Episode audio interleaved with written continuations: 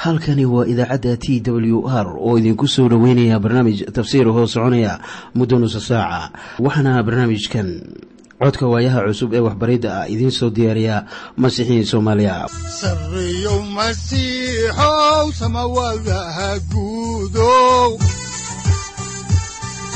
siraadkii adduunkow subanaha eebow sareyow masiixow samawadaha guudow siraadkii adduunkow subanaha eebow adigoo samaada jiro ifkaan soo saldhiganba adigoo samaada jiro ifkaan soo saldhiganba kutubtiisanaye udanogu saaciiday sharxin sifahaaga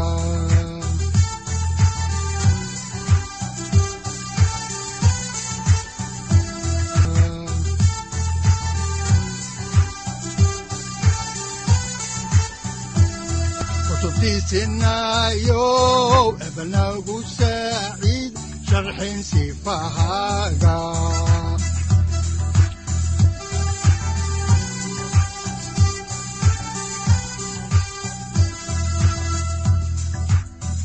satirow ilaahow adanku su'aalne satirow ilaahow adanku su'aalne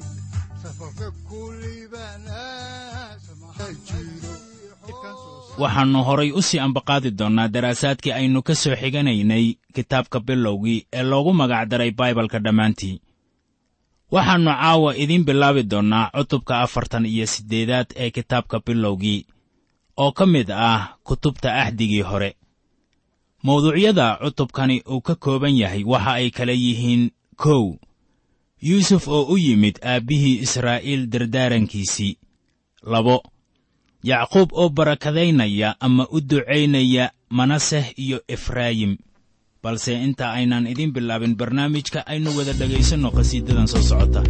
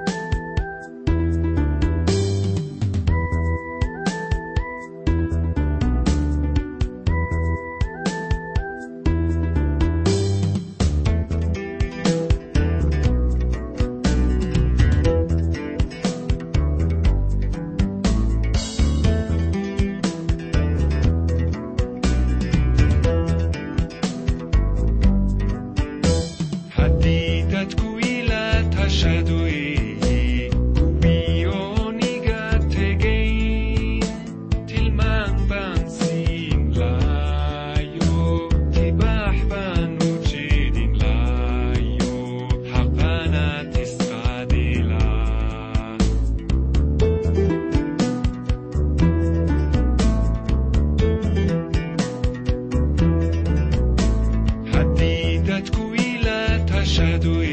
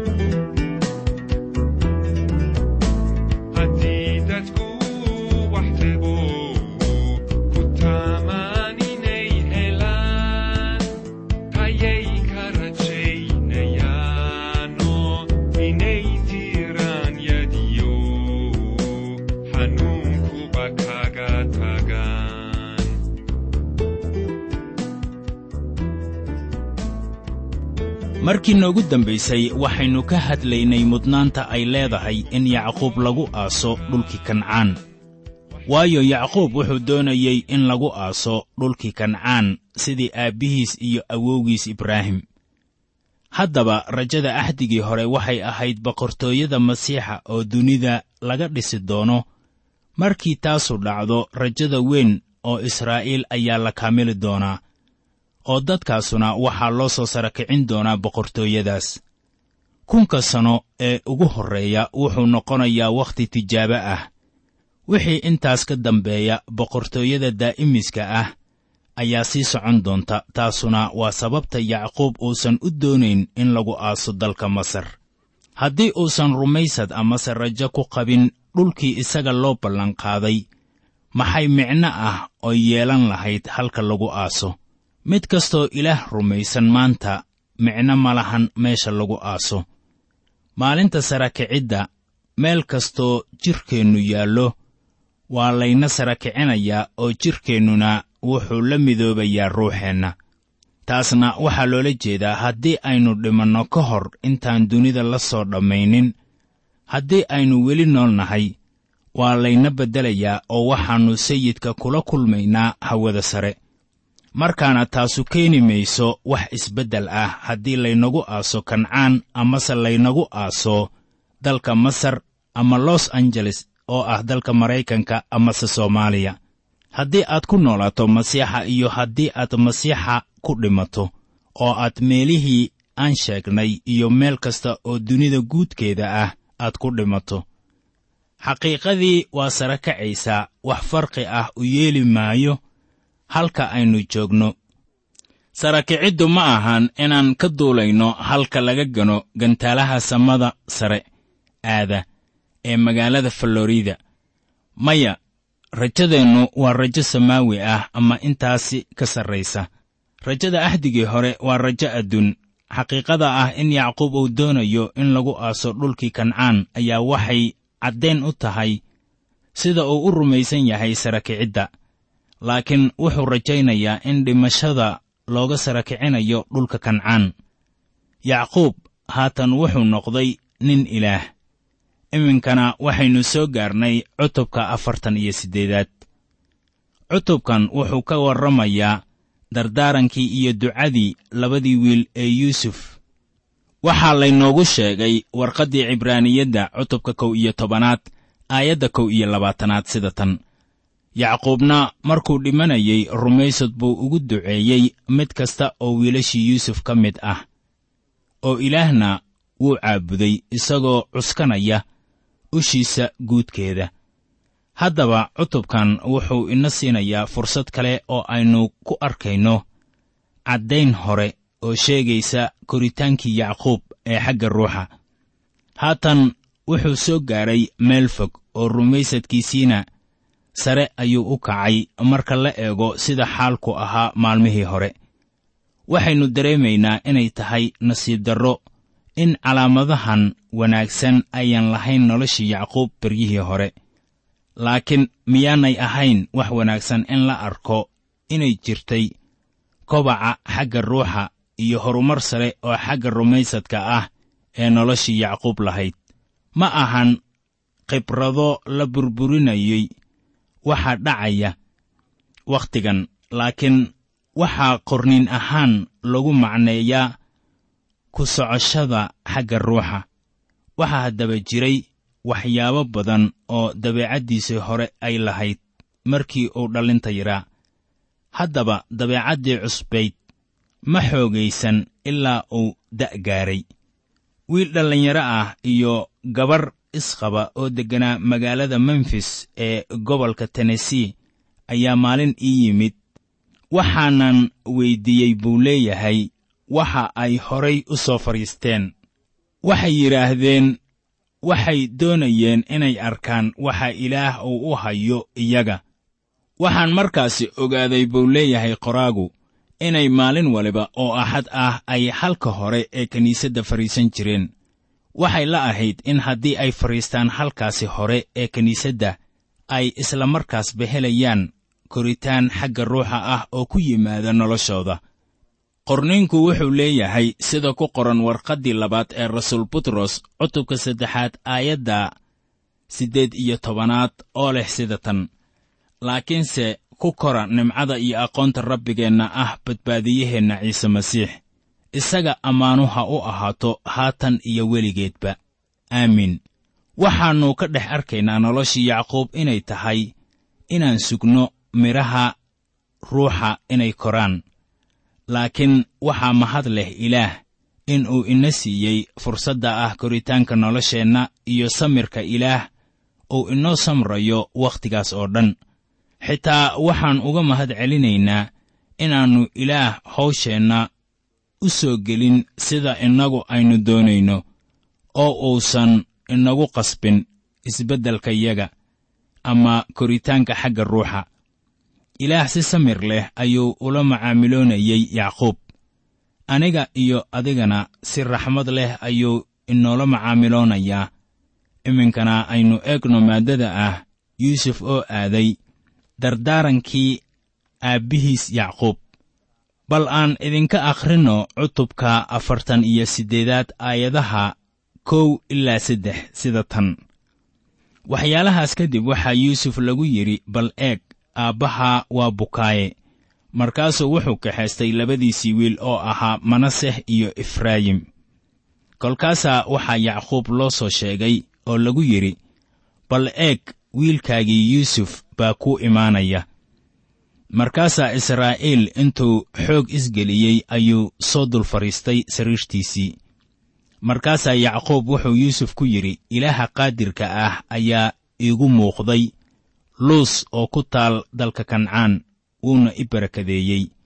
Miyaad khiyaasi kartaa xiisadda ka buuxsantay niyadda ninkan odayga ah? Waxaa halkan jooga yuusuf oo ahaa wiilkii uu ugu jeclaa iyo labadiisii wiil ee dhallinyarada ahaa. Yacquub kuma uusan riyoon. Inuu arki doono yuusuf mar kale waayo waxay la ahayd in la dilay ama uu dhintay. Welibana waxaa indhihiisu ay arkeen yuusuf oo darajo weyn lagu siiyey dhulkii masar. Wuxuuna halkan ku arkayaa sidii ilaah uu ula socday. Habnololeedkiisii yacquub wuxuu joogay masar haatan ilaa iyo toddoba iyo toban sannadood iminka waa duq oo wakhtigiisii baa la gaaray laakiin xoog buu isku yeelay oo wuxuu ku fadhiistay sariirta geeskeeda. Waxaad ogaataa in uu haatan ka fekerayo wakhtigii ilaah uu ugu muuqday luus oo ku taal waddanka kancaan. Wuxuuna yuusuf ku yidhi ilaaha qaadirka ah ayaa iigu muuqday luus oo ku taal dalka kancaan. Wuuna i barakadeeyey yacquub horumar lexaad leh ayuu ka sameeyey dhanka koritaanka ruuxa. Waxaanan haatan arkaynaa rumaysadkii yacquub wuxuuna haatan ku kalsoon yahay ilaah mana faan badna markii uu dhallinta yaraa wuxuu ahaa nin xariif ah oo wuxuu doonayo ku raadiya tabartiisa iyo taagtiisa laakiin haatan markii uu noloshiisa dib u eegay wuxuu xusuustay markii ilaah uu ugu muuqday isaga beytel. Markii uu ka tegayey dhulkii kancaan iyo markii uu ku soo noqonayey wuxuu yidhi ilaaha qaadirka ah ayaa halkaasi iigu muuqday wuuna i barakadeeyey. Waxaana hadalkii qaatay yacquub oo wuxuu yuusuf u sheegay in ilaah isaga yacquub ah uu ugu muuqday luus oo ku taalla waddanka kancaan. Wuxuuna yidhi ilaaha qaadirka ah ayaa iigu muuqday luus oo ku taalla dalka kancaan wuuna i barakadeeyey. Haatan waxaynu arkaynaa rumaysadkii yacquub markaasoo aynu idin akhriyayno kitaabka bilowgii cutubka afartan iyo siddeedaad aayadda afaraad. Waxaana hadalka ku jira yacquub wuxuuna yidhi oo wuxuu igu yidhi bal eeg waan ku badin doonaa waanan ku tarmin doonaa oo waxaan kaa dhigi doonaa dad fara badan. Dhulkanna waxaan siin doonaa farcankaaga kaa dambeeya. Inuu hanti aan weligeed dhammaanayn u ahaado. Aynu fiiro gaar ah u yeelanno ballamadii ilaah kuwaasoo yacquub haatan uu ka hadlayo kuwaasoo dhex maraya axdigii hore iyo axdiga cusub. Wuxuu ballankan ka dhex sameeyey nimankii ay israa'iil ka soo farcameen sidii ibraahim isxaaq iyo yacquub axdigu wuxuu lahaa saddex muhiimad. Kow waa qaran. Labo dhul iyo barako ama duco. Laakiin labada ugu muhiimsanayd yacquub ee halkan yaalla waxay kala ahaayeen kow waa ku badin doonaa waanan ku tarmin doonaa oo waxaan kaa dhigi doonaa dad fara badan dhulkana waxaan siin doonaa farcankaaga kaa dambeeya inuu hanti aan weligeed dhammaanayn u ahaado. Haddaba kan saddexaad ayaa ahmiyad weyn u leh aniga iyo adigaba. Waxaana weeye oo adigay qurumaha dunidu ku barakoobi doonaan. Sababta aniga iyo adiga aynu u haysanno baibalka waxa weeye ilaah wuxuu hirgeliyey ballankaas markaa saddexda meelood loo qaybiyo. Laba meelood wuxuuna axdigaasi galay kumannaan sannadood ka hor. Kii saddexaad weli lama kaamilin. Yuhuuddu weli ma ayan gelin dhulkii israa'iil waxayse haystaan xuduud yar. Laakiin weli waxay ku jiraan loolan laakiin marka ay dhulka ka helaan gacanta ilaah waxay halkaasi ugu noolaanayaan si nabad ah. Qof waliba wuxuu maalintaasi helayaa geed canabkiisa iyo geedkiisa bardaha ah. Waxay kaloo lahaanayaan dhul oo wax canshuur ahna bixin maayaan taasuna waxay u muuqataa inay imaanayso sannadka labada kun iyo wixii ka dambeeya. Miyaanay ahayn waa hagaag sidaas bay noqon doontaa wakhtigaas. Iminkana aynu eegno maaddada ah yacquub oo barakadaynaya efraayim iyo manasax haddaan dib ugu noqonno kitaabka ayaa waxaa ku qoran cutubka afartan iyo siddeedaad aayadaha shan ilaa lix sida tan. Haddaba labadaadii wiil oo dalka masar kugu dhashay intaanaan kugu imaan masar anigaa iska leh efraayim iyo manasex ayaan u lahaan doonaa sidii ruubeen iyo simecoon carruurta aad iyaga kadib dhasho adigaa iska lahaan doona. Waana in loo bixiyo magacyada walaalahood. Markay wax dhaxlaan. Wiilashan awowga uu u yahay oo ahaa wiilashii yuusuf waxay midkoodba noqonayaan qabiil. Markaa dadku waxay odhan karayaan waxaa jira saddex iyo toban qabiil oo israa'iil ah maadaama uu yacquub dhalay laba iyo toban wiil oo labadoodii wiil oo yuusuf. Midkoodba uu noqonayo qabiil iskiisa u madax bannaan. Ha yeeshee wax qabiil ah yuusuf lahaan maayo laakiin qabiilkiisa ka soo farcamaya waxay ahaan doonaan efraayim iyo manasex taasuna waxay ka dhigaysaa tirsiga wiilashii yacquub saddex iyo toban. Welibana baibalku wuxuu xisaabayaa laba iyo toban qabiil. Waxaad arkaysaa in qabiilka laawi aan loo xisaabin qabiil ahaan. Waxay noqdeen qabiil wadaadda ah oo lama siinin wax dhul ah amase dal.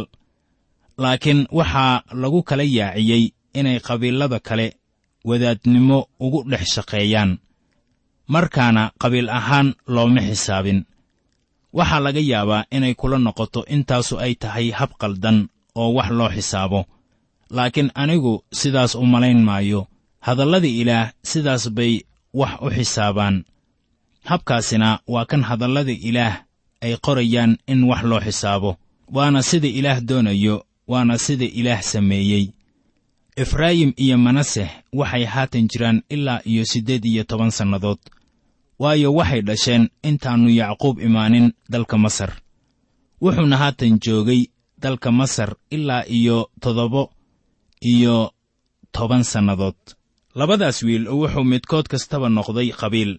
Waxaad kaloo haatan eegtaa sida yacquub uu ku ahaa raaxeel oo ahayd ti uu jeclaa oo weliba ahayd yuusuf hooyadiis haddaan dib ugu noqonno kitaabka ayaa waxaa ku qoran cutubka afartan iyo siddeedaad ee aayadda toddobaad sida tan soo socota. Anigana markii aan ka imid faddan ayaa raaxeel igaga dhimatay dalkii kancaan. Waddada loo maro intaanan weli efraad soo gaarin oo kolkaasaan iyadii ku aasay waddada loo maro efraad meeshaasuna waa beytlaxam saaxib markii aniga iyo adiga aynu heesno heeska ah beytlaxamtii yareydey waxaynu ka fikiraynaa dhalashada ciise masiix.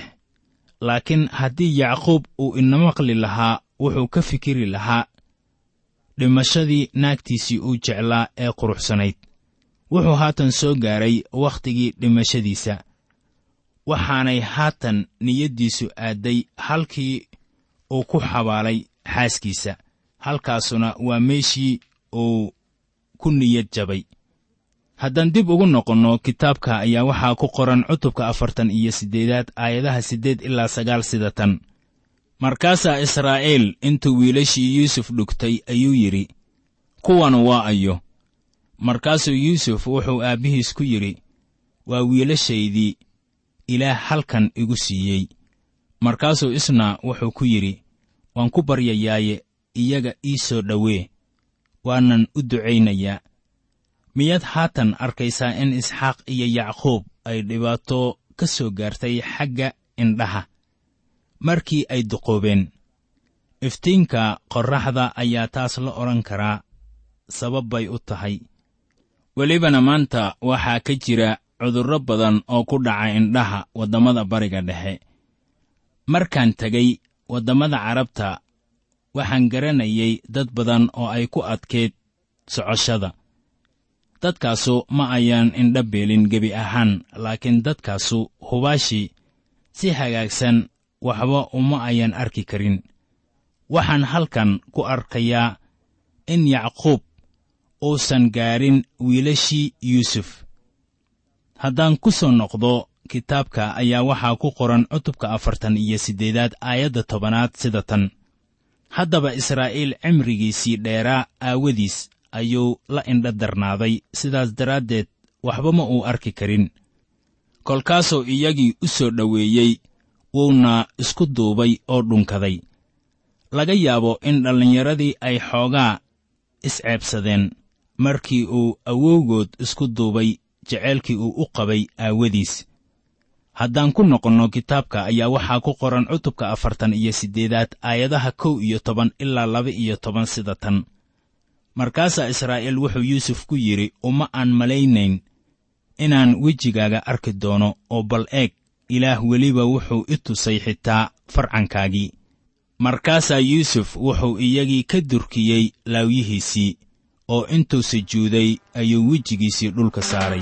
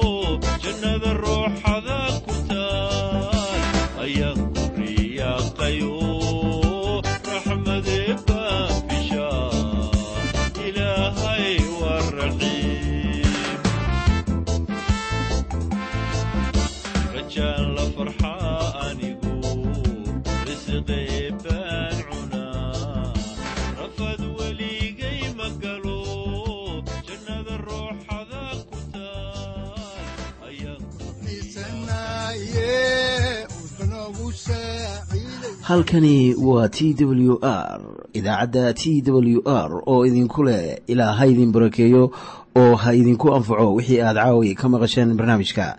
Waxaa barnaamijkan oo kalea maqli doontaan habeen dambe hadahan oo kale haddiise aad doonaysaan in aad fikirkiina ka dhiibataan wixii aad caawi maqasheen ayaad nagala soo xiriiri kartaan som t w r at t w r c o k e dhegaystayaal haddii aad doonaysaan inaad mar kale dhegaysataan barnaamijka fadlan mar kale booqo www t t b o r g ama www t w r o r g halka sare waxaad ku arkaysaa markii aad gasho language ama luuqadda waxaana dooranaysaa soomaali.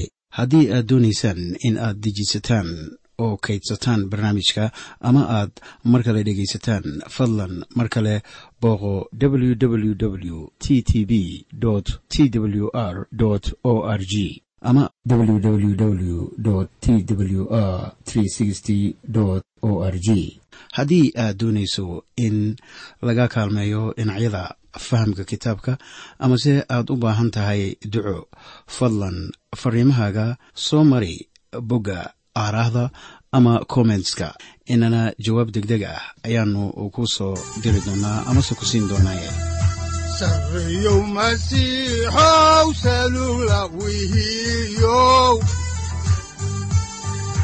saacadda timid dhulka sabada ku dhalatiyo